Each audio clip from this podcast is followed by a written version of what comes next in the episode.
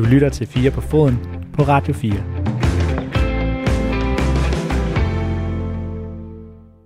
Velkommen til den her uges 4 på foden, der igen er en højdepunktspakke. 4 på foden er jo egentlig gået på sommerferie, men der går ikke så længe nu, så vender vi stærkt tilbage med nye live-programmer. Nu kører vi lige øh, nogle sidste højdepunktspakker af, og i den her uges anledning, så skal vi selvfølgelig fejre, at Superligaen er begyndt igen. Så øh, jeg har samlet tre højdepunkter til dig her i første time af Fire på Foden. Vi skal allerførst øh, tilbage til maj. Vi skal faktisk tilbage til maj i øh, alle tre højdepunkter i dag. For først, så skal vi vende de to oprykker til Superligaen. For tilbage i maj, der lavede jeg et afsnit af Fire på Foden, hvor jeg gik rigtig meget i dybden med Viborg FF og Silkeborg IF, der jo to første division med storm i slutningen af sidste sæson, eller i hele sidste sæson, og jo nu er de to nye drenge i klassen i Superligaen. Derefter skal vi genbesøge et andet program fra maj, hvor vi lavede den store Superliga-gennemgang. Først der snakkede vi om nedrykningsspillet, og derefter om mesterskabsspillet, og selvfølgelig om Brøndbys mesterskab. En god anledning til lige at genopfriske, hvordan det gik for sig i sidste sæson, nu hvor Superligaen lige akkurat er begyndt. Her får du altså øh, lidt af en Superliga-pakke den næste lille times tid. God fornøjelse. Radio 4 taler med Danmark. Det står altså fast, at vi til næste sæson får Viborg FF og Silkeborg IF tilbage i Superligaen. To gode, lokalt forankrede traditionsklubber. Og de slutter lige foran to, skal vi kalde dem ambitiøs, øh, ambitiøse klubber, som er på amerikanske hænder. Det er Esbjerg FB, som vi nok også godt kan putte i kassen med traditionsklubber. Og så er det FC Helsingør. De to klubber, det skal det også handle en del om, men først senere. Først fokus på det midtjyske og på Viborg og Silkeborg. Det er så her, mine to gæster kommer ind i billedet. Først og fremmest, førstepladsen starter vi lige med. Det er jo Danny øh, og Viborg Stifts øh, Folkeblad, der er repræsenteret i forhold til at snakke om Viborg. Og Danny, altså, hvis vi lige skal tage den sådan hurtige rundflyvning omkring øh, Viborg og status, og hvad, hvad er det for et, et Viborg-hold, vi endelig, øh, hvis man var Viborg-fan, skal jeg passe på, at jeg, jeg ikke øh, kommer til at lyde øh, knap så objektiv, men, øh, men hvad er det for et Viborg-hold, vi, vi får tilbage i Superligaen jo efter, efter nogle år? Det er, øh, hvis jeg lige hurtigt selv skal sige, hvad jeg, jeg følger ikke sådan med øh, på daglig basis i, i første division. Så jeg har lige lavet den der, hvor jeg lige skimmer ned af resultaterne, og, og listen bliver sådan overrasket over, hold da op, det var egentlig overbevisende måde, at, at, at Viborg de egentlig har, har sikret sig oprykning over. De tabte ikke en eneste kamp før april. Men, men Danny, var det også det? Er det her et ekstraordinært stærkt øh, første divisionshold, vi får op i, i Viborg? Ja, det er det jo. Altså, det er jo øh, pointgennemsnittet. Det, det siger jo det hele. At det er jo et af de højeste pointgennemsnit, som både Viborg og Silkeborg, fordi vi skal, vi skal huske, at øh, Viborg og Silkeborg ligger sådan set, Viborg kun et point øh, foran Silkeborg, og førstpladsen er ikke helt afgjort endnu. Øh, men, men det er et ekstraordinært stærkt Viborg-hold. Og det er grunden til, at det er så ekstraordinært stærkt, det er ekstraordinært stærkt. Det er jo, at øh, det her hold, det er jo som om, at det er kulminationen forløbet på et stykke arbejde, der faktisk startede for to år siden. Øh, sportschef Jesper Fredberg kom til efter en, øh, et, endnu et øh, kikset forsøg på at øh, rykke op. Øh, han havde lidt, øh, et par måneder inden da, og så dengang, at øh, oprykningen desværre kiksede tilbage i øh, 2019, så, så var det som om, at så... Øh, så lænede man sig lidt mere tilbage og sagde, nu skal, det, nu skal vi bygge noget, der, der ikke kun rækker frem og se i et forsøg om at rykke op i, i næste år man, man prøver simpelthen at tænke lidt mere langsigtet. Og så gjorde Jesper Fredberg det, at man, øh, man gik lidt mere til bunds, man definerede spillestil, og man øh, lavede noget mere strategiarbejde, hvor man øh, ligesom fandt ud af, hvad er det, der skal til. Man tænkte også lidt mere på, at der skal måske også noget mere stab, og noget mere rundt om selve fodboldholdet til, end vi har været vant til. Og så gik han sådan lige så stille, stille og roligt i gang med at bygge et, et fodboldhold, med at bygge en stab, og med at, at, at optimere alt, hvad der også hedder forhold og den slags ting, bedst muligt. Øh, og det, det, det, det satte så gang i sådan den her lidt nye bevægelse, det her lidt nye, mere friske Viborg, hvor man fik en ny, ung, frisk træner. Først i øh, cheftræner Jakob Næstrup, som jo kommer til, han var jo yngre end alle os, der fuldt holdet, altså, hvilket vi aldrig havde prøvet før nærmest. Og samtidig begyndte man også lidt en foryngelse af selve holdet, hvor man i stedet for, før måske, hvor man prøvede nogle Superliga-spillere, der enten var på vej ned, eller der ikke helt var slået til, så, så begyndte man at finde nogle øh, unge, sultne spillere, og det har man så bygget det her hold, og dem lå man så spille i sidste sæson, hvor det faktisk gik rigtig, rigtig godt. Det var kun fordi, der kun var én oprykningsplads at spille om, at Viborg ikke spiller i Superligaen allerede nu. Og så justerede man og optimerede man øh, i sommerpausen igen, hvor man brugte hele første år på at sige, hvad er det, der vi har manglet? Og det har man så været rigtig dygtige til at gå ind og fuldstændig øh, meget pinpointe. Vi mangler en boksspiller, vi mangler en, altså jeg kan lige sige en dit og dat, og det har man så, øh, det har man så øh, forstærket med, og det er så det hold, der har kørt i år, hvor man jo har bare kørt den øh, fra spids, og har fuldstændig totalt udklasseret Esbjerg, som alle troede jo var en, øh, en, over, en oprykningsfavorit, øh, og, og, men nu er distanceret med 15 point, hvilket jo er totalt uhørt. Og det er jo sådan den korte version af en meget lang historie, fordi det er faktisk, der er sket helt vildt meget i Viborg de sidste to år, og det er det, der kulminerer i de her dage. Og det er så det, vi også skal blive lidt klogere på. Vi starter nemlig ved Viborg, men først så skal jeg også lige have nogle ord på Silkeborg først, og det, det skal jeg selvfølgelig have fra dig, øh, øh Mathias. Og lad os, lige, øh, lad os lige prøve at tage samme runde her med, med, med Silkeborg, fordi øhm, det har ikke været lige så imponerende, eller dominerende fra øh, siden dag 1, som, øh, som det har været øh, på Viborg, men det har øh, så sandelig været dominerende siden cirka halvvejs i grundspillet. Øh, Silkeborg de vandt de sidste otte kampe med en målscore på 20-1. Og så fortsætter de ind i slut, øh, slutspillet, hvor de så er ubesejret, altså faktisk mod, øh, hvad man roligt kan sige, de bedste hold ikke, her i slutspillet. Øh, og de kan faktisk stadig nå at sluppe øh, førstepladsen, fordi de er i gang med sådan en rigtig god slutspurt. Det betyder så ikke helt øh, lige så meget, fordi de er jo allerede begge, begge to rykket op, men må ikke øh, øh, retten om at kunne prale det betyder noget. Så lad mig også lige spørge dig, hvad er det for et silkebehold, som øh, vi får, som jeg ser det, stormende op i Superligaen? Jamen, de kommer også stormende, og jeg synes, det er et yderst seværdigt Silkeborg-mandskab. Det er sådan det, jeg har hæftet mig ved. Og så, jeg tror også, der er mange, i hvert fald ude i Søhøjlandet, der vil korrigere dig lidt i forhold til det der med, om, om de også var dominerende i den øh, sådan lidt mere spæde sæsonstart. Fordi Silkeborg spillede faktisk mange af deres bedste kampe tidligere på sæsonen. De var bare rigtig, rigtig dårlige til det der med at få fuldt udbytte ud af dem. Og noget af det, man sådan var ja, misundelige, det ord synes jeg godt, vi kan bruge øh, i forhold til både øh, Viborg og Esbjerg. Det var det der med at hente de der snævre sejre, selvom man egentlig ikke spillede altid lige godt, sådan som øh, jeg kunne forstå det, Danny. Øhm, og det, det har man så bygget på nu her, og øh, jeg synes faktisk, at øh, det hold, som Kent Nielsen han har sat sammen nu, det formår både at spille sådan noget sprudende, chanceskabende, øh, Øh, meget, meget lækker fodbold, uden at det sådan skal blive alt for, for højt flyvende. Og samtidig så har man også formået at, at sætte en prop i defensivt. Det har været Silkeborgs rigtig store problem i, jamen, øh, lige så længe jeg har været på Midtjyllands Avis, og vist også førhen, tror jeg. Øh, men i den her sæson, øh, jeg mener, at Silkeborg og Viborg er de to hold, der har lukket færre mål ind, også i første division. Så defensiven har man også fået styrket, og så har man fået hentet i vinterens transfervindue de der enkelte spillere, der kunne gøre forskellen en Niklas Helenius og så øh, Tobias Salkvist nede i midterforsvaret, som også viser sig at være en stor åbenbaring. Og så lånte vi jo Skorstræk Stjal, en målmand op i Viborg, i Patrick Gunnarsson, som har været øh, første divisions med afstand bedste målmand. Og det var så også lidt, øh, så fik vi lige lavet den der hurtige rundflyvning på, øh, på Viborg og Silkeborg. Så parkerer vi lige Silkeborg, og så snakker om Viborg. Men jeg, jeg bliver faktisk lige ved dig, Mathias, fordi som vi også lige snakkede om, inden vi gik ind på her, så klubberne jo faktisk mødtes forleden. Der er ikke så meget at spille om, men, men jeg skal alligevel love for, at der bliver gået til den. Og øh, øh, der blev scoret øh, mål i begge ender. Jeg tror, den endte øh, 3-3. Nu kigger jeg lige over på, ja. Øhm, og der har, der har du jo, Mathias, også øh, haft en kærkommen lejlighed til at, til at øh, kigge nærmere på både Silkeborg og Viborg. Hvad så du som en, der beskæftiger sig mest med, med Silkeborg? Hvad, hvad så du sådan udefra set øh, af Viborg? Jamen, jeg synes faktisk, at Viborg var det bedste hold i den kamp, og jeg synes, at Viborg øh, skabte klart de fleste chancer, og også øh, faktisk i første halvleg, selvom de kommer bagud 3-0, så det, jeg synes, det var helt misvisende langt hen ad vejen, øh, brænder nogle kæmpe store chancer, også i åbent spil. Viborg er blevet rost meget for det her med deres dødbolde, og det er også der, de, de har lavet rigtig mange mål. Øh, standardsituationer, men også fra indlæg. Øh, Christian Sørensen rigtig, rigtig dygtig til at sætte det op på den der øh, bakposition.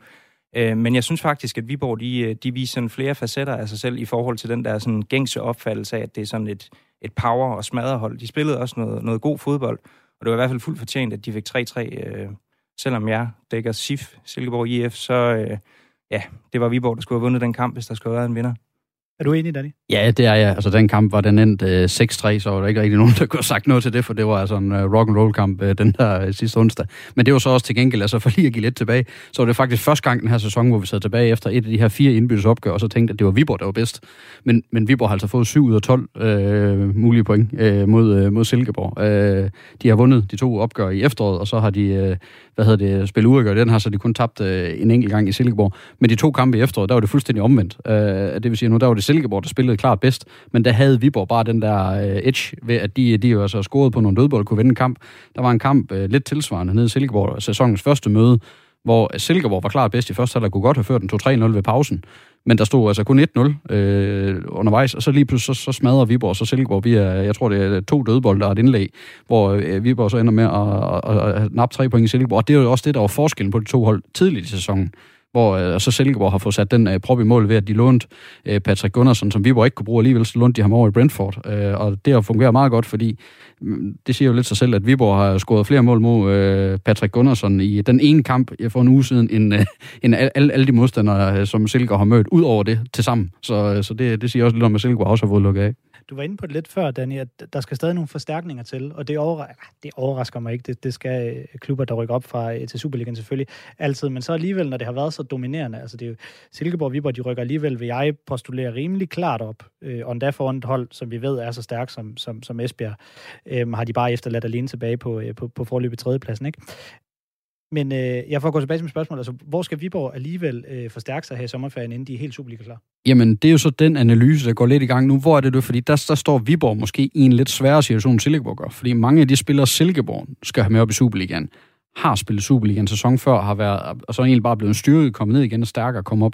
Hvor mange af de spillere, Viborg nu tager med op, der er der også nogle af dem, hvor vi godt kan sætte sådan en lille spørgsmålstegn ved, fordi de, har, de er rigtig gode første divisionsspillere, og udviklet sig til at være profiler i første divisions, øh, i første division. Og, og Viborg har i første division også haft en enorm bredde, fordi der er mange spillere, der på første divisionsniveau jo øh, er misundelsesværdige for mange andre klubber. Altså Viborg har jo kunnet sætte øh, tre-fire mand ind, som vil starte ind i rigtig, rigtig mange af de andre klubber, fordi klubben har været så stærk. Men der er vi bare lidt mere usikre nu, fordi nu, nu altså, de, har ikke, øh, de har ikke bevist sig alle sammen på et Superliga-niveau. Så der er rigtig mange af de her dygtige første divisionsspillere, de skal jo også tage nogle skridt og det er jo så det, der viser, og det er derfor, det er lidt en svær øvelse at sige, hvor er det, Viborg skal forstærke sig. Jeg kan godt gå ind og så sige lige nu, at der hvor et af de øh, svage punkter, jeg kan se hos, øh, hos Viborg, det er måske på en højere bak, fordi det er det sted, hvor der er blevet skiftet meget ud, og det er måske ikke et godt tegn i forhold til, øh, om, om det også kan bære hele vejen i Superligaen. Men også bare en af sæsonens store profiler, Christian Sørensen. Han har været første divisions med afstand bedste vensterbak men han har kun været vensterbak i første division. Han har ikke prøvet at stå over for Darami, eller hvad det hedder i Superligaen. Det er det, vi skal til at se. Og sådan er det faktisk ret mange veje rundt. Altså midterforsvaret har været godt, har været, længe været øh, første divisions bedste. Og, og der er kun nogle ganske få spillere, som vi er sikre på, kan, kan øh, gøre sig i øh, Superligaen. Og derfor så er det sådan svært at pinpointe, hvor det er. Men, men jeg, jeg tænker også lidt, at, at Viborg kommer måske op med et hold, som er mere et hold, og derfor så er det også mere holdet, der skal bære det igennem, i stedet for at du sådan skal gå ind og så sige, at der, øh, der, der har Silkeborg måske nogle mere åbenlyse profiler, som, som man nok skal sige kommer op. Der, de, de er der ikke måske helt på samme måde i, i Viborg alle sammen. Men hvem er de? Hvem er de helt store profiler? På de helt store profiler for Viborg lige nu, det er jo, at øh, man har blandt andet Mads Lauritsen i forsvar, har været fuldstændig suveræn. Øh, også en af første divisions absolut bedste, hvis ikke den bedste, der er på midtbanen, hvor Jeppe Grønning, kaptajnen, han er også en af dem, der har prøvet Superligaen før. Det har Mads Lauritsen også en lille smule. Han har været, øh, især her i foråret, han har været fuldstændig vanvittig god. Øh, og, så, og så har man jo øh, første divisions topscorer. 20 mål har Sebastian Grønning øh, lavet, og det kan man heller ikke øh, negligere og sige, han er altså også en af de, øh, de helt store øh, profiler. Øh, 20 mål, det lugter også af, at han godt kan lave et enkelt eller to i Superliga, vil jeg sige. Så, øh, men igen, det er jo en, en mand, der ikke har lavet mange Superliga-mål, så det skal han jo så bevise, men, men det er de store profiler. Jeg vil gerne lige øh, kaste blikket ud mod, mod trænerbænken, for jeg skal ærligt indrømme, at jeg, øh, jeg ret meget til Viborg i, øh, i efteråret, fordi øh, de vandt, og de vandt, og de vandt, og de havde den her meget... Øh, spændende træner, der kom med, med store anbefalinger fra FCK, ikke? Øh, Jakob Næstrup, øh, som, som bliver anset som en af de, de største trænertalenter i, øh, i, i Danmark. Han røg så tilbage til FCK, øh, egentlig. Det var også der, han kom fra halvvejs i sæsonen, og så kom øh, Lars Friis så ind som relativt nyprøvet cheftræner for, øh, for førsteholdet. Det samme, som egentlig var tilfældet, da dengang Næstrup kom til. Hvor, øh, altså, øh, de vandt rigtig mange kampe i efteråret, og de, de har jo altså tabt nogen i slutspillet her efterfølgende, ikke? Men hvordan kom Viborg egentlig ud af det her trænerskifte? Jamen, man, man, er jo endt med, altså, man er jo endt med at komme rigtig godt ud af det, fordi det, man gjorde, det var egentlig, at man, øh, man gik ind og så, så fandt en cheftræner, som, øh, som jo har nikket til den stil, der er i Viborg, og den præmis og den strategi, der er i Viborg. Og derfor så kom han jo ikke ind og så sagde, jeg skal have øh, de her fire nye spillere, hvis jeg skal spille, for jeg skal spille på en anden måde. Lars Friis, han købte jo ind på, hvad det var, der var i Viborg i forvejen. Det anerkendte han, at det var rigtig, rigtig godt. Men han gik så også ind med det, det mantra, at han skulle, han skulle forfine det. Han skulle finjustere det. Og det kan man sige, det har han også gjort på nogle punkter, fordi nok har Viborg tabt et par kampe her, men det skulle jo ske. Det tror jeg også måske var sket under, under Jakob øh, Næstrup, øh, hvis, det var, hvis det var ham, der fortsat. Men, men Lars Friis har egentlig bare gået ind og, og bygget videre på et hold, og justeret på det her hold, sådan at det er blevet endnu skarpere, end, øh, end det hold, som øh, Jakob Næstrup han efterlod i, øh, i december måned.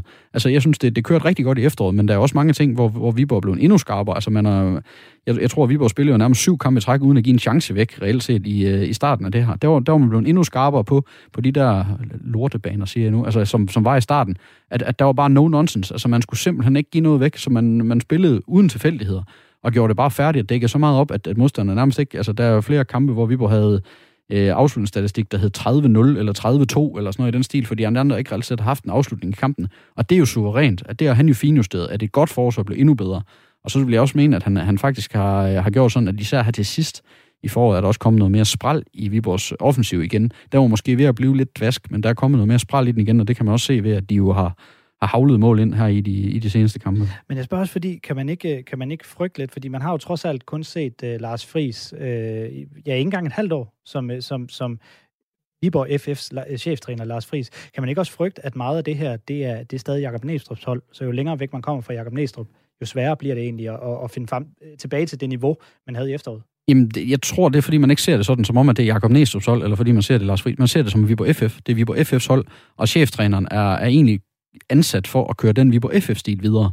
Så jeg tror, jeg, jeg frygter det faktisk ikke så meget, fordi han har trådt ind og, og kommer med de kompetencer, har selvfølgelig en bemyndigelse til at justere men han, han, har ikke, han har egentlig ikke kompetence til at gå ind og sige, nu skal vi spille 4-4-2, Viborg spiller typisk 4-3-3. Vi skal, det er ikke den kompetence, han har. Han kan godt i en enkelt kamp, hvis det er nødvendigt. Men, men Viborg har en stil og en, en strategi og, og en måde, man spiller fodbold på, og det er den, han har købt ind på. Så derfor så frygter jeg det faktisk ikke. Jeg tror, det er, det er en cheftræner, der kommer ind, og så, så køber han ind på det, og så, så skal han komme med al, al sin faglighed, alle sine kompetencer til at bygge videre på det, der er, og gøre det så godt som muligt det kan være et unfair resultat at spørge dig om, som, når vi, allerede, som vi har allerede øh, snakket om, at der skal nogle forstærkninger til og sådan noget. Der skal først noget analyse i Viborg i gang efter, øh, der skal gå ud på, hvordan skal man øh, se ud, før man øh, er helt op og klar til at spille en Superliga-sæson øh, om et par måneder, eller om en måneds tid. Øh, men alligevel sådan hoved på blokken, Danny. Hvad synes du, man kan forvente af det her Viborg-hold i, øh, i Superligaen? Jamen, man kan, altså, jeg tror, at Viborg egentlig godt rustet til Superligaen, også med den spillestil, som Mathias også øh, nævnte lidt tidligere, den her med, at Viborg har jo en, en måske en, en spillestil, der, nu skal jeg passe på, at jeg ikke driller Mathias, men den passer måske rent faktisk bedre til at være bundhold i Superligaen, end Silkeborg gør. Fordi Silkeborg kan godt måske spille en lille smule naivt, og det kunne godt blive straffet hårdere i Superligaen, end det gør i første division, fordi Silkeborg spiller en lækker fodbold, øh, men de giver også en, en, lidt flere chancer væk, end Viborg gør, og de giver også nogle bolde væk på nogle dumme, øh, nogle dumme steder på banen en gang imellem. Og det kan godt blive dyrt i Superligaen, hvor Viborg måske har en mere afklaret spillestil, der gør, som passer til Superligaen, fordi Viborg kommer ikke... Altså, Viborg vil gerne have bolden. Viborg kan også godt øh, være dominerende med bolden i perioder, men man er heller ikke bange for at stå i, i 5-10 minutter og tage imod. Og det tror jeg, det bliver det billede, som Viborg tit kommer til at møde Superligaen. Så sådan hovedet på blokken, så tror jeg faktisk, at, at vi kunne godt se Viborg som sådan et hold, det, det, det er utvivlsomt.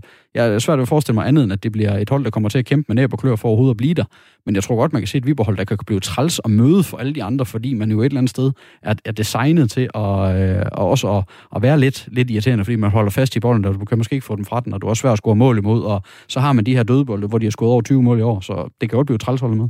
Det synes jeg nemlig, det, det synes jeg er ret interessant, fordi, og, og lad os endelig parkere øh, det sportslige ved Viborg øh, der, og så nemlig begive os over til Silkeborg, for det kunne jeg også godt tænke mig at høre dit øh, øh, take på, øh, Mathias, for man snakker nemlig tit om det her med, at øh, den her omvæltning, der er mellem at skulle gå fra at være tophold i en, øh, i en første division, uanset om det er i Danmark eller hvor det så er, og så skulle vende sig til, at man ikke er det hold, der nødvendigvis har initiativet, eller øh, det hold, der skal være favoritter igen. For, for sådan er det jo, det er jo det er meget naturligt i fodbold, at det er sådan, det er, når man rykker op øh, og skal være et bundhold, eller forventes at være et bundhold i en ny sæson. Så øh, Danny, Danny fortæller det her med, at øh, ifølge ham, så er Viborg lidt, øh, lidt bedre givet i forhold til spillestil og sådan noget, til, til at være bundhold i Superligaen. Øh, hvordan, er, hvordan er Silkeborg egentlig givet til det?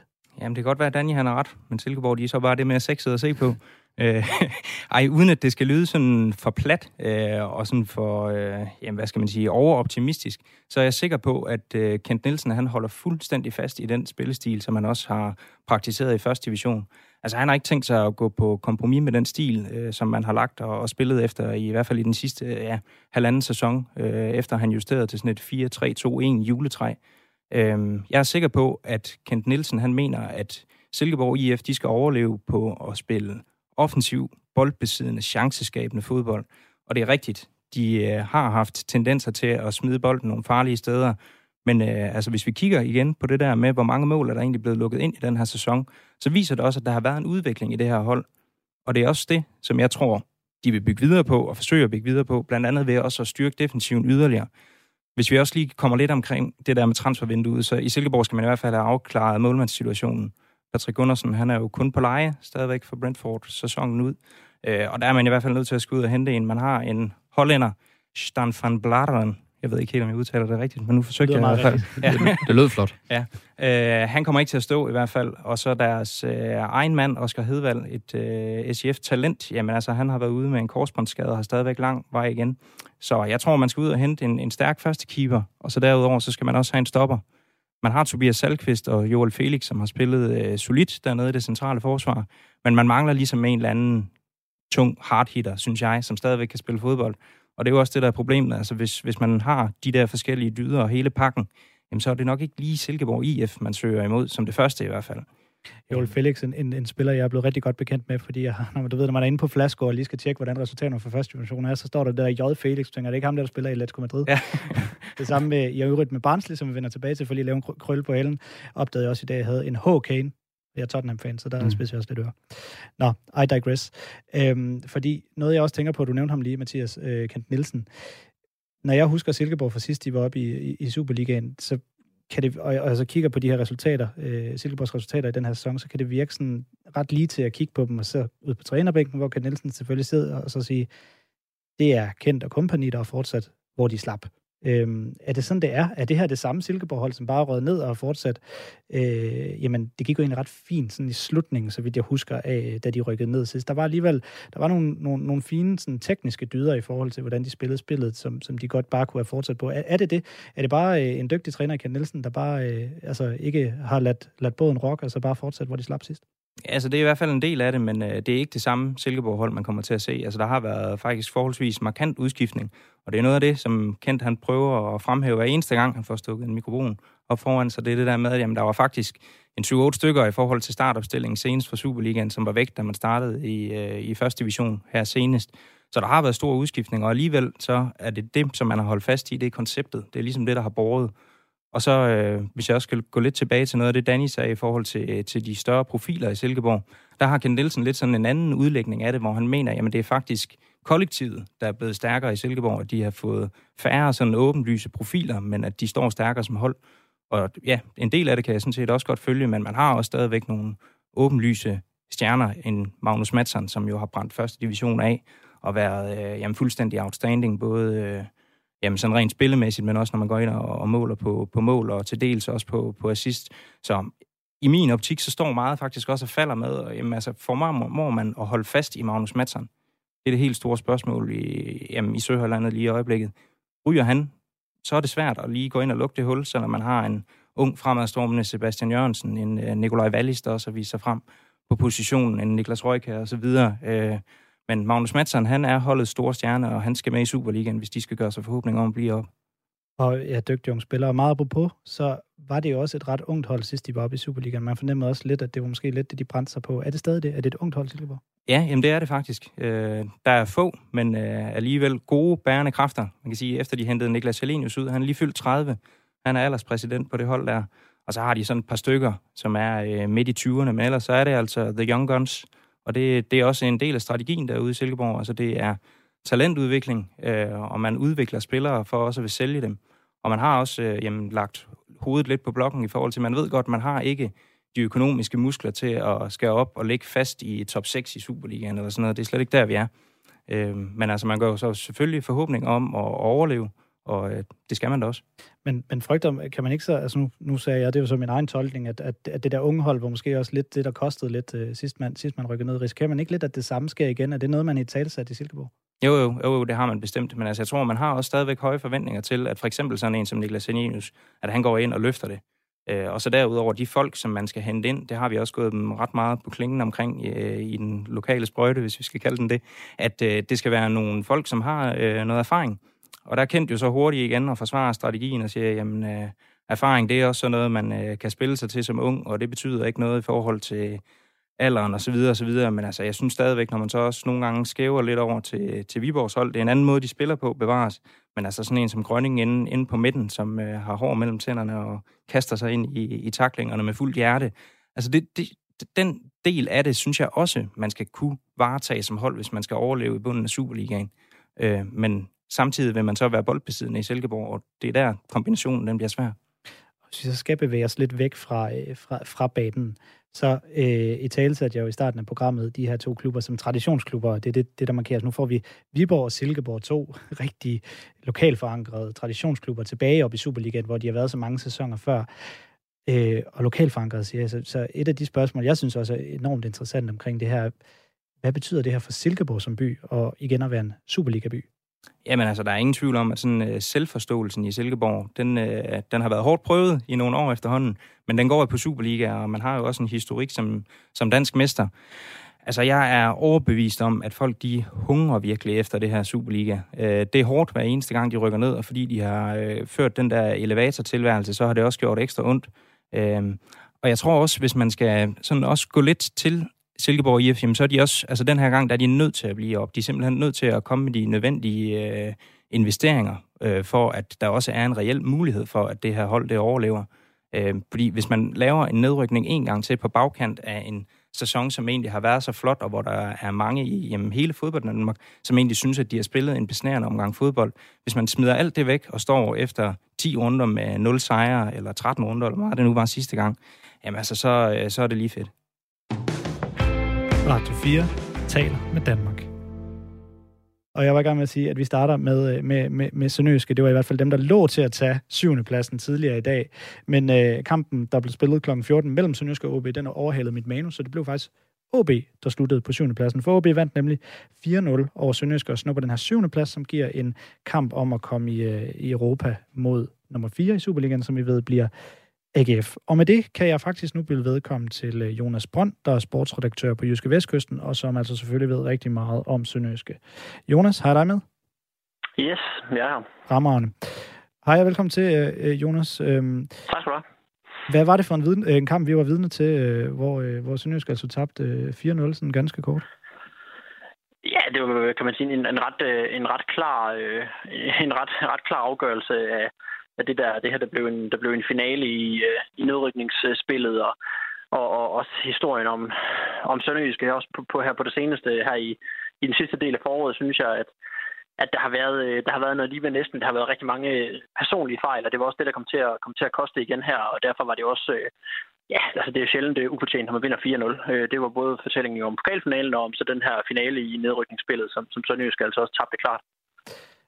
Jeg, når jeg har kigget sådan og fulgt med i resultaterne for Sønderjysk, så er jeg egentlig sådan, det har været sådan meget op og ned, ned har jeg et indtryk af. Jeg har egentlig lidt sådan svært ved at sætte et stempel på, for det blev selvfølgelig til en, til en øh, pokalfinale andet år i træk, men, men det blev lidt ligesom den her, øh, den her kamp i dag mod OB, sådan lidt en fesen afslutning. Altså, Sønderjysk var jo aldrig rigtig tæt på at tage noget med fra Randers i, i pokalfinalen.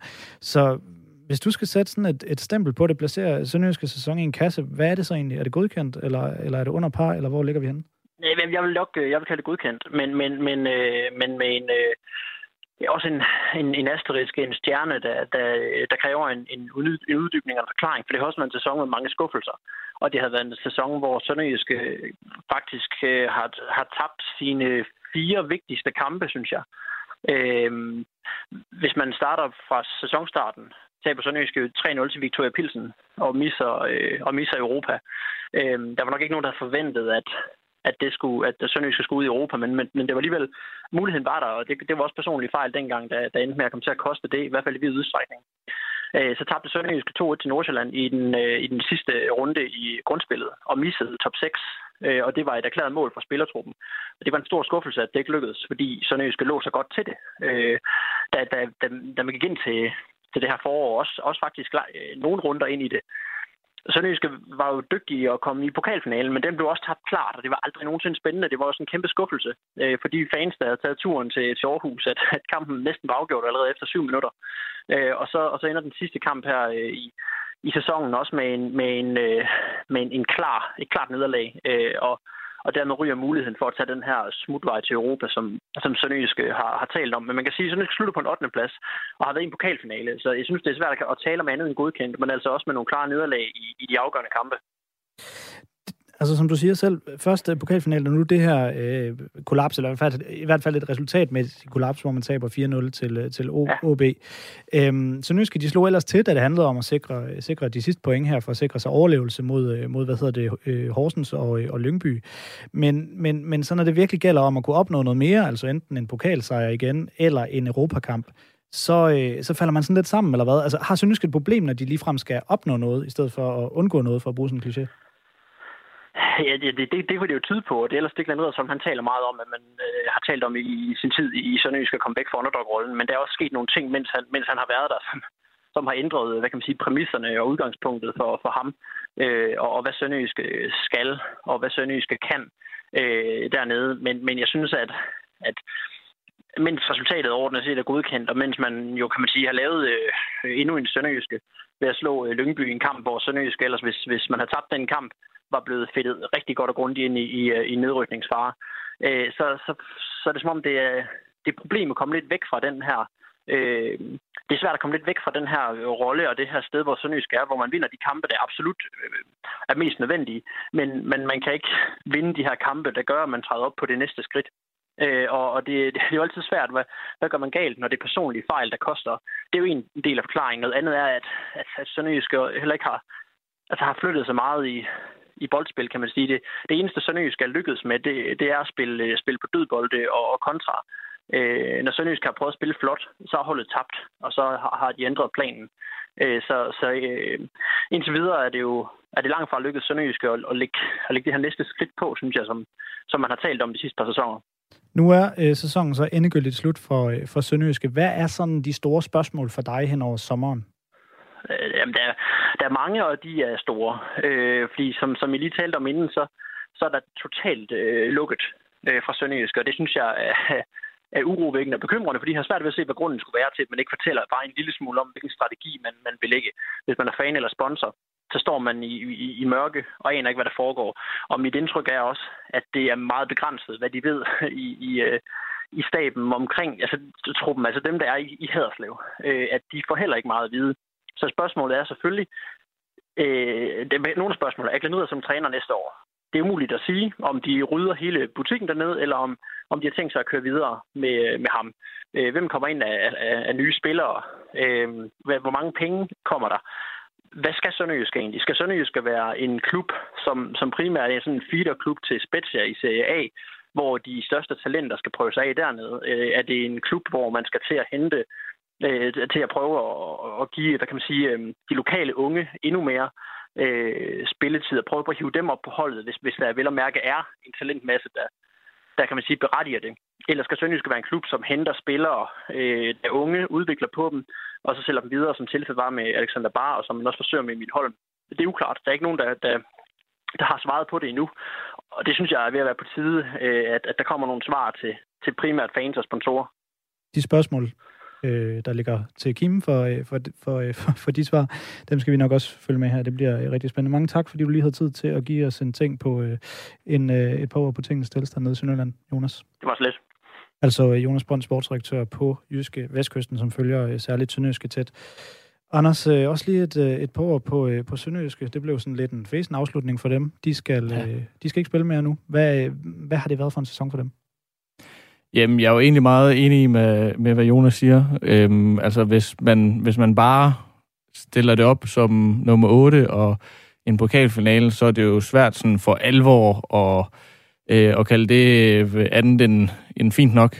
Øhm, men, men det er jo så også med, med nogle alvorlige mænd og øh, undervejs, øh, og det er da bemærkelsesværdigt, de der fire kampe, som han, øh, som han lister op øh, hvor dårligt det er gået. Øhm, man kan selvfølgelig sige, Europa League-kvalifikationen, det var der nok ikke nogen, der havde forventet, de ville klare sig igennem alligevel, men øh, især de to øh, kampe her på pokalfinalen og, øh, og Europa, øh, eller i hvert fald kampen om at komme i Europa Playoff i dag, øh, hvor de var helt væk. Altså, øh, det, det har været også overrasket mig, at de har faldet så meget sammen i de to kampe. Og øh, vi iler videre og hopper lige over øh, på den anden side af den kamp, som du omtaler her, Anders, nemlig øh, modstanderen, da, da Sønderjyske blev slået tidligere i dag, nemlig AB, som altså vandt 4-0 øh, over Sønderjyske, og derfor skal møde AGF i en kamp om at, øh, om at komme ud i Europa. Den kamp går jeg ud fra, at øh, Claus Jensen, han, øh, han også så øh, sportsredaktør på øh, Nordjyske. Jeg tror nemlig, jeg har Claus Jensen med nu. Er det korrekt? Jeg sidder lige uden for Sydbank øh, Park i min øh, bil, så ja, jeg har set, øh, set de 90 overbevisende OB-minutter. Fremragende overbevisende OB-minutter, siger du nemlig, Claus. Jeg spurgte også lige Jonas Brønd, sportsdirektør på Jysk Vestkysten, som vi havde igennem lige før, hvad det var for en kamp, han var vidne til, og det var, blev vi sådan lidt enige om, eller det er i hvert fald de ord, jeg satte på det, sådan lidt en fesen kamp, hvis man så det med sønderjyskes øjne. øjne. Så, så hvad var det for en kamp, hvis man så det med Aalborgensiske øjne? Jamen, så synes jeg faktisk, det var noget af det mest overbevisende, jeg har set fra, fra holdet her i, i foråret, hvor der selv for tiden har været nogle, nogle bums på vejen øh, under Matisse Fuentes, men, men man må bare erkende, at pilen trods alt øh, peger fremad. De vandt senest mod Vejle, på trods af, at de spillede dårligt. Og så i dag mod Sønderjyske, synes jeg egentlig, at de er i kontrol igennem øh, 90 minutter, og jo sådan set også har mulighed for at score til både 5 og 6-0. Øh, og det synes jeg egentlig er ret, øh, ret øh, overraskende, at de kommer ud så overbevisende øh, og levere den her indsats. Øh, måske mentalt vil betød noget, at de vidste, at de skulle ud og vinde den her kamp, for det lignede øh, virkelig, at de var ude og spille øh, ja, nærmest en europæisk finale, øh, fordi stort set alle øh, rigtig, rigtig solidt med, med Ivar Fossum som banens helt store kreatør. Og inden vi lige sætter nogle lidt mere overordnede termer på, på selve OB's sæson øh, 2021, så bliver jeg jo lige nødt til at, at putte lidt i bedre, fordi et kvarter nåede Lukas Andersen at spille, og så øh, lå han og vred sig i smerte. Hvad var det lige sådan umiddelbart, der skete der? Er der kommet nogle status efter kampen på, øh, på ham? Nej, jeg har selvfølgelig spurgt ind til det. Han vil ikke selv øh, udtale sig i dag. Det er vel det første øh, tegn på, at det ikke er helt godt. Øh, men, men øh, som jeg ser det, så, så vrider han om altså, hans knæ får en eller anden helt forkert vrid, øh, og på den måde kan man sige, at det er ikke de skader, som han ellers har haft problemer med, med baglår og så videre. Det, det er tværtimod en, en knæskade af en eller anden art, og så, og så ved man, at det kan være alt fra et, et lederet ledbånd til et korsbånd, og, og dermed alt fra, fra et par uger til et, et år ude. Så, så det er der, den står og svæver lige i øjeblikket. Øh, og det, det får man jo næsten helt ondt i maven på, på hans vegne. Øh, især for, måske har han vist inde i sit, uh, sit hoved, måske har han allerede fået besked af landstræner Kasper Julemand om, hvorvidt han var med blandt de 26 i EM-truppen. Øh, og var han det, jamen, så, så rammer den nok ekstra hårdt, den her. Ja, det var faktisk et perspektiv, jeg ikke lige havde, havde, havde tænkt over. Det må, det må alligevel gøre ondt. Øhm, Claus, så øh, fik vi jo faktisk ikke rundet OB's øh, sæson af alligevel, fordi som jeg sagde, så skal de jo så spille over øh, spille mod AGF om at komme ud i Europa. Så, øh, så sådan rigtig øh, et spørgsmål, jeg, jeg har forberedt til alle her i aften, og som, som jeg også stillede Jonas før, øh, om hvorvidt OB's sæson er godkendt eller ej. Kan man overhovedet nævne det, eller kommer det an på, på kampen mod AGF? I hvert fald, hvis jeg skal være tro mod de ord, jeg sagde øh, i starten af sæsonen, øh, og da de havde vundet i parken og så videre over FC København og var med i toppen, hvor jeg sagde, jamen, der, altså, der skal komme et eller andet, øh, enten metal eller en europæisk billet ud af den her sæson, for det mener jeg, at OB har holdet til. Så ved jeg godt, at, at i, i den, øh, kan man sige, øh, kalkyle havde jeg ligesom taget Lukas Andersen og Oscar Hiljemark med, som at hvis de spiller hver gang. Men på trods af det, synes jeg faktisk, at OB har et hold, og en trup, som skal kunne noget metal, eller, eller i hvert fald komme i Europa på en eller anden måde. Og så, så for mig at se, så, så kræver det, at de slår AGF, for at de kan læne sig tilbage og, og, og sige, at det var, det var godt nok en god sæson, for ellers så har det været for skuffende. Så lad os lade være med at sætte et endeligt stempel på, øh, på OB's sæson endnu, men jeg vil alligevel lige her til sidst lige prøve at høre dig øh, sige nogle ord omkring Martin Sifuentes, som du også nævner, altså den her træner, der kom til cirka halvvejs i, øh, i, øh, i sæsonen, som øh, kom til med en masse spændende ord omkring øh, katalanske, katalonsk op, øh, opdragelse og krøjfdisciple og, og så videre. Det var ikke fordi, øh, han imponerede med, i hvert fald ikke resultatmæssigt lige fra starten, men, men hvor er han egentlig nu øh, med det, han har bedrevet på det seneste? Er han der, hvor han har vundet fansenes hjerter? Jeg vil sige, at han er, han er godt på vej øh, med sådan en, en indsats som den i dag, men det, er jo, men det er jo ikke ret længe siden, at de, at de med lodder og trisser vandt over Vejle i en kamp, der ikke var, var særlig god. Så, så, så han er stadig lidt i modvind, men man må også bare se på, på bundlinjen og så sige, at MOB i, i det her nedrykningsspil, det, det, det har de alligevel formået at vinde, og der har været kan man sige, kortere og kortere mellem sejrene, så, så det er ligesom en opadgående spiral, og så må man sige, der har også været nogle, nogle problemer undervejs, hvor, hvor Sifuentes og spillertruppen ikke helt har været i synk i forhold til, hvad han ville og hvad de ville. Øh, og han har måske også ville, lavet for meget om fra starten af. Og der tror jeg, at de er ved at finde et leje nu, hvor de, hvor de øh, har en fælles retning øh, og, og begynder at kan man sige, at, at gøre noget af det, som de i hvert fald øh, han, han i tale til at starte med Sifuentes, altså dominere kampen på bolden. Øh, og det synes jeg i hvert fald, øh, de gjorde mod, mod Sønderjyske, men det er klart, det skal de også kunne gøre mod AGF, som kommer ud med, med et helt andet øh, kan man sige, fysisk tryk. Øh, så det skal nok blive en, en rigelig stor mundfuld øh, for OB den kamp, og især hvis Lukas Andersen er ude, og så måske også en dag en Kasper Kus, der gik ud i, i øh, pausen af den her kamp, og, og også øh, har problemer. Øh, så, så det er i hvert fald øh, en streg regning, regningen, hvis de to er ude. Så præcis hvordan det ender med OB-sæsonen, det må vi vente lidt med endnu. Altså øh, bliver det øh, sæsonens sidste kamp mellem øh, OB øh, og AGF om en kamp ude i Europa. Mange tak for opdateringen, Claus Jensen. Selv tak. Altså sportsredaktør på Nordjyske. Og så lige op øh, til det nordjyske, øh, Dan. Det er, det er dig, der er OB-mand, ikke fan som sådan, men ham, der er mest opdateret på OB her på, på redaktionen. Jeg vil også gerne lige høre dig sige nogle ord på, på OB-sæson, hvis man overhovedet kan det på nuværende tidspunkt, før den sidste kamp. Øh, det kan man godt, synes jeg. Altså, øh, jeg synes alt i alt, at det har, det har været en rodet sæson, altså, men øh, på alle mulige måder. Jeg synes, øh, nu er det svært at komme på lige efter Claus Jensen, som jo nok er den mand, jeg også lytter allermest til, når det handler om, øh, hvad der foregår i OB. Men tricket i OB har jo været, at der har været for mange spillere, man ikke har fået det optimale ud af, synes jeg. Altså, øh, du har en, en Lukas Anders, der på grund af skader har, har, har været fraværende en stor del af sæsonen. En øh, Oscar Hiljemark nævner han jo også, Claus Jensen, som en spiller, jeg heller ikke har set det optimale fra endnu. Jeg synes, Ivar Fossum har spillet en, en, en rodet sæson i forhold til, hvad han egentlig kom med at løfter i sine første kampe for OB, efter han skiftede til fra, fra Tyskland. Øh, jeg synes, altså, særligt så er der jo Kusk, øh, som jo sådan er det evige eksempel, som jo faktisk også røg helt uden for holdet i en, i en ganske kort periode, efter Sifuentes øh, tog over. Altså, så, så der, er jo nogle, der er jo nogle ting, som jeg synes, man mangler at få forløst på det hold. Nu har vi Tom van Fert, som har lavet på mål de sidste par kampe, men som også stopper i klubben til sommer, formodentlig efter, hvad vi hører. Så der er for mange positioner, hvor man øh, enten... Øh, jeg er ikke helt enig i den her, at man, man, man nødvendigvis har holdet til, til medaljer eller Europa faktisk, når jeg kigger ned over det. I hvert fald ikke i forhold til de, de, de præstationer, der bliver leveret på banen.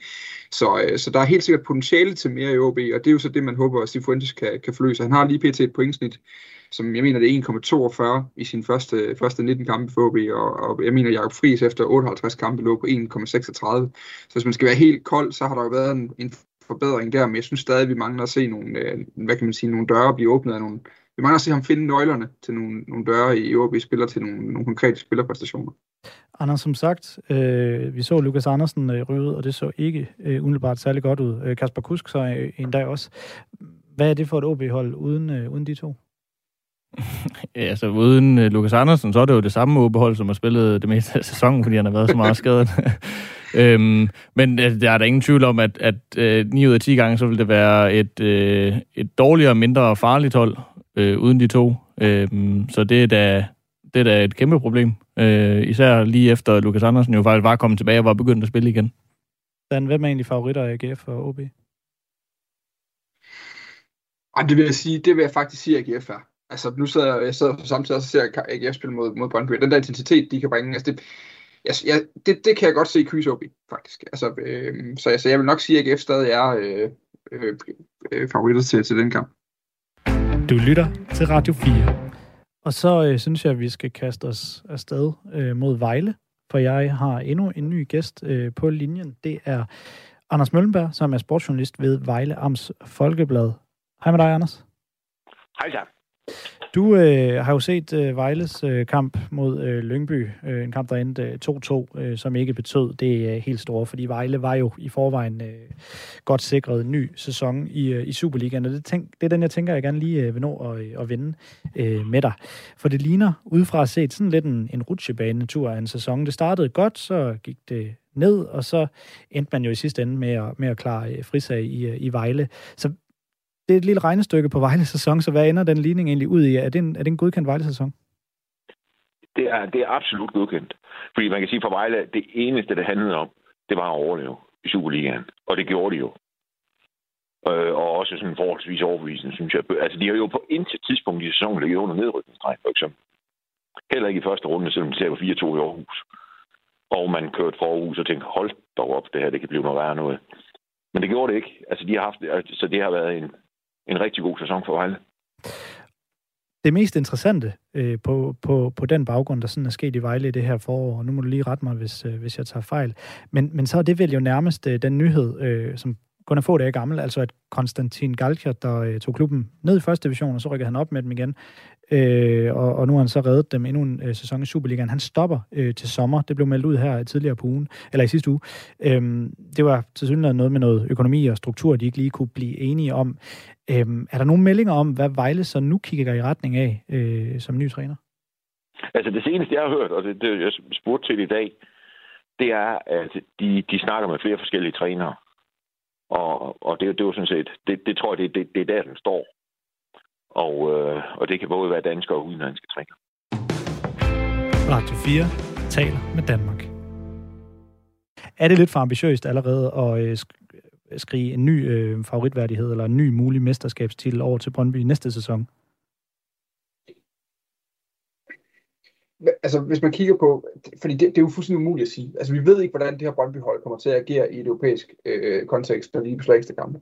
Det vi kan sige, det er, at profilerne på det Brøndby-hold, der gør det så dygtigt lige nu, de er vel alle sammen under 27, noget af den stil. Det er spændende, om man beholder Maxø. Så er der en Anthony Jung, som nok alt peger på, at han skal øh, videre.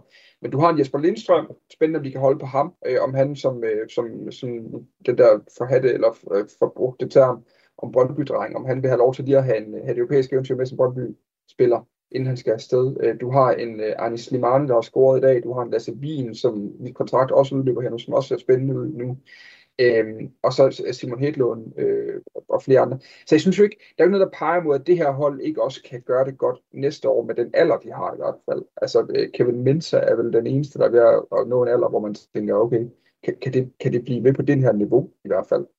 Øhm, så det burde ikke være en hindring. Spørgsmålet er jo, hvad vi kommer til at se af oprustning for FC Midtjylland FCK. Jeg gætter på, at FC Midtjylland står over for en, en udskiftning i løbet af sommeren øh, af, af, af spillere, der simpelthen de har været gode i FC Midtjylland i lang tid nok, så de skal videre nu, for at få, for at få udvikling i tingene. Og må ikke også, der sker en del i FCK. Og så må vi jo se, hvor Brøndby så står.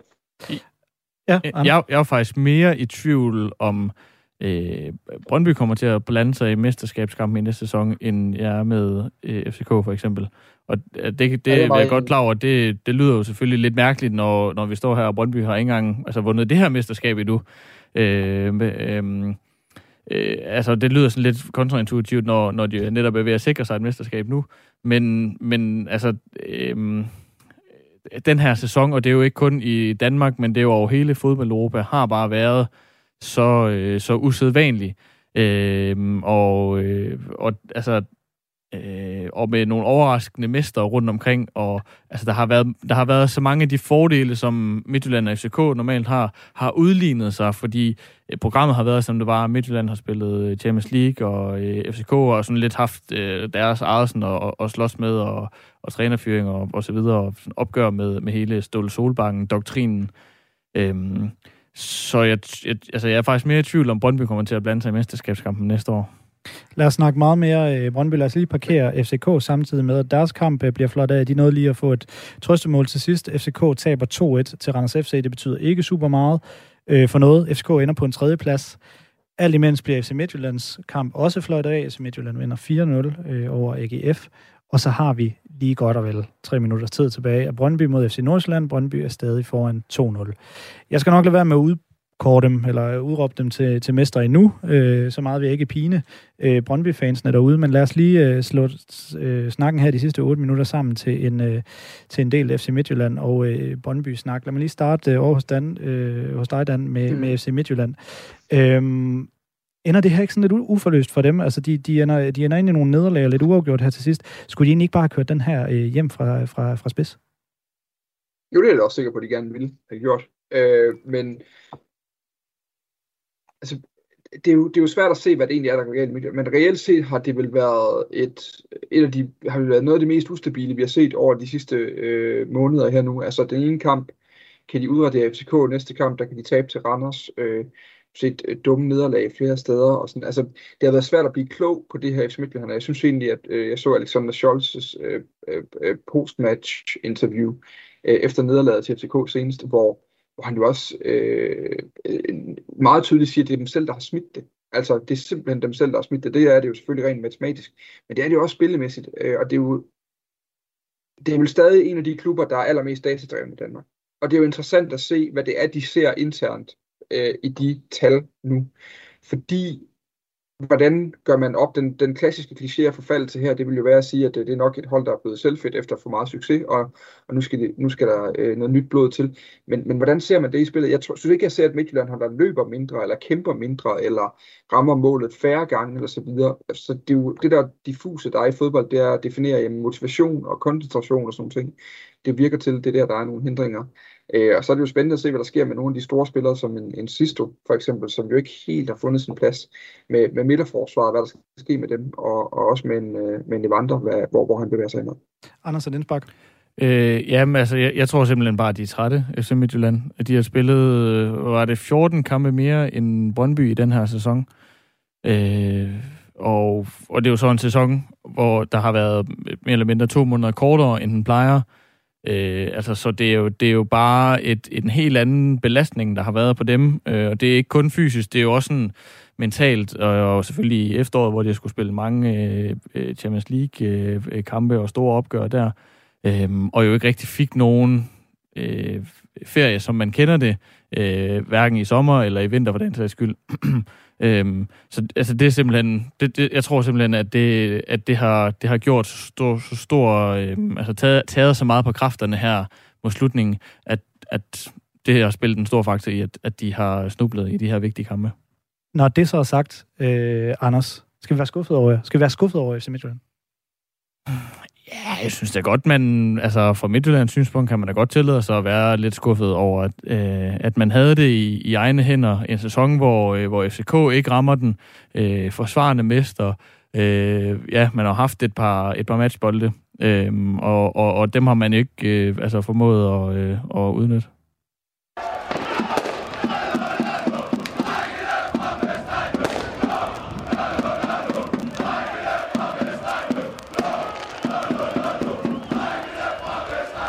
Sådan der øh, lød det, da øh, Brøndby-fans øh, en masse gik, øh, begyndte deres øh, frem, øh, fanmars, hedder det, fra Brøndby Østertog øh, tidligere i, øh, i dag. Og må ikke, det er et helt andet øh, decibel. Er baneinvasion lige nu øh, i øh, Brøndby. Det var, jeg vil sige, var, at Monique, det er et helt andet decibelniveau, øh, vi har at gøre med over i Brøndby også nu, hvor øh, det er nogle øh, vilde scener, der, der, der løber over skærmen på, på, på 3+. Plus. Øh, lige PT, det er svært at tage øjnene for, øh, Anders, men øh, vi skal lige... Øh, eller nej, lad mig lige starte ved, ved, ved, ved dig, Dan, øh, fordi nu er hvis jeg ikke fik gjort det klart nok. Brøndby, Brøndby, Brøndby er mester, og, og, og folk vælter ind på fansen. Øh, fans vælter ind på, øh, på banen. Øh, Dansen, lige umiddelbart, hvad, hvad, hvad tænker du om det, du ser lige nu? Jeg, jeg kan ikke mindst lige var der set noget i øh, dansk fodbold før faktisk. Altså, øh, vi har lige set, øh, altså øh, alle fansene står nede omkring øh, spillertunnelen nu, øh, hvor spillerne, både Brøndby-spillerne og Nordsjælland-spillerne nærmest lige har flygtet ind. Øh, øh, og, det, og det er jo sjovt, fordi det er jo ikke, der, der er ikke nogen af de Brøndby-spillere, der løber ind og ser glade ud. Altså, og det er jo, det er jo dybt øh, paradoxalt i, øh, i lykkeligste øjeblik i, øh, i lang tid, for de her spillere, de simpelthen har måttet flygte ind i omklædningsrummet, øh, der nu står øh, øh, garderet af, af, hvad hedder det, af stewards. Vi må lige se. Ja, det er virkelig ret billige billeder, synes jeg, det her. Vi må, ja, hvad, hvad, hvad, tænker du, Anders? Ja, altså, normalt så er jeg jo egentlig, så er jeg egentlig fan af en, en god pitch invasion. Altså, det, det kan jeg sgu godt ja. lide. Øh, men, men lige præcis øh, i øjeblikket, og hvor vi øh, forhåbentlig er, er i, på vej ud af en, øh, en pandemi, øh, men hvor man, hvor altså, det jo stadigvæk er, er sådan lidt øh, det der med at skulle forsamles for mange mennesker på, på for lidt plads, øh, så, så kan jeg jo ikke stå her i, øh, i, i radioen og, øh, og bakke op om det, øh, selvom jeg normalt synes, at det er fedt nok. Men øh, vi må lige se, hvordan det her det udvikler sig. Øh, så lad os lige i mellemtiden og her de sidste par minutter af øh, Fire på Foden, altså Radio 4's fodboldprogram, lige, med, lige, øh, lige vende det sportslige, at altså Brøndby er danske mestre, hvis jeg ikke har gjort det klart nok før. For første gang i, i, i 15 år. Første gang siden 2005. Øhm, Anders, inden, øh, inden vi lige gik på her, du lige øh, kom ind, og vi lige øh, bød hinanden velkommen, der snakkede vi lidt om, at det var sgu en fed afslutning, vi fik. Mm. Var det også en fed sæson? Ja, ja, ja det synes jeg. Altså, øh, der, der er virkelig sket øh, mange ting. Øh, altså lige fra, øh, fra, fra Ståle Solbakkens øh, farvel i, i FCK og øh, ved hele FCK's øh, altså næsten nedsmeltning i efteråret, og så øh, opblomstring igen øh, til, øh, nu ved jeg godt, det er jo ikke en del af Superligaen, at FC Midtjylland spiller Champions League, men det er jo alligevel Superliga-hold, der spiller Champions League, øh, og det har også indvirkning på deres, øh, deres Superliga-sæson. Øh, ja, til Brøndbys øh, genopstandelse, og, øh, og hvad hedder det, øh, øh ja, øh, altså spænding i i hvert fald om syvende pladsen øh, indtil her sidste runde også. Øh, ja, det, det synes jeg sgu egentlig har været en, øh, en meget fed sæson. Der er også lige en afsluttende replik for dig. Hvad var det for en uh, sæson, vi endte med at uh, være vidne til, og, og hvordan lover det for, uh, for Superligaen fremadrettet? Ja, men jeg, jeg ser ved at se, hvad det siger om Superligaen fremadrettet, men det var en dybt underlig sæson. Netop af de præmisser, Anders også uh, nævnte før, en, en kortere sæson med rigtig mange kampe med uh, uden fans på stadion. Altså, jeg, jeg, uh, ja, Altså med, og så synes jeg også, det vi ikke har snakket om i dag, og vi generelt ikke har brugt så meget tid på programmet, det er jo VAR, som også har fyldt usandsynligt meget i denne sæson, og hvor man må, uanset hvad man mener om VAR, må man håbe, at, at nogle af de diskussioner bliver lagt til ro på en eller anden måde af, af de instanser, der har med det at gøre. Du lytter til Radio 4.